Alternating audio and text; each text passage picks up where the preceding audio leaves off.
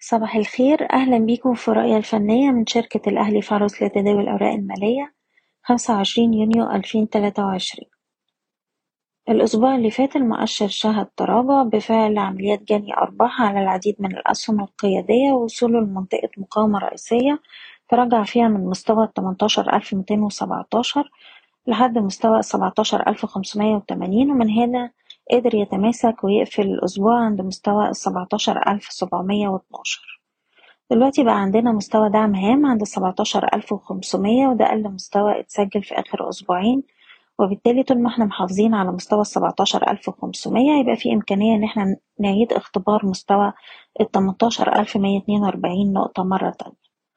أقرب مستوى مقاومة في الوقت الحالي عند السبعتاشر ألف تسعمية وخمسين وعلى الأجل القصير بننصح بالاستفادة من محاولات الارتداد لتخفيض مراكز الشراء بالهامش واللي عايز يحتفظ يقدر يرفع مستوى حماية الأرباح لأقل مستويات اتسجلت الأسبوع اللي فات حسب كل سهم على حدة.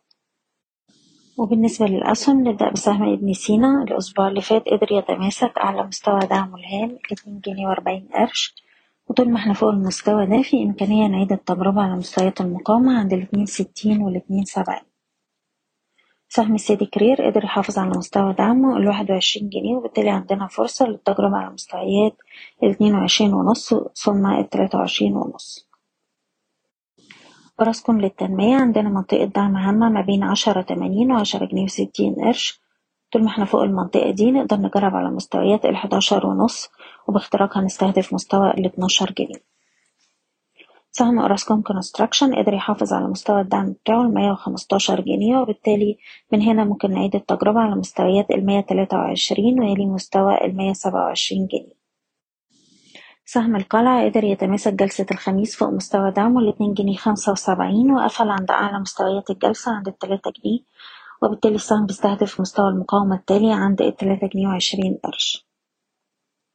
وأخيرا سهم أموك مازال بيتداول فوق مستوى دعمه الهام. التمانية جنيه وطول ما إحنا فوق المستوى ده في إمكانية نعيد التجربة على مستوى المقاومة. التمانية جنيه وسبعين قرش. بشكركم بتمنى لكم التوفيق. إيضاح الشركة غير مسؤولة عن أي قرارات استثمارية يتم اتخاذها بناء على هذا التسجيل.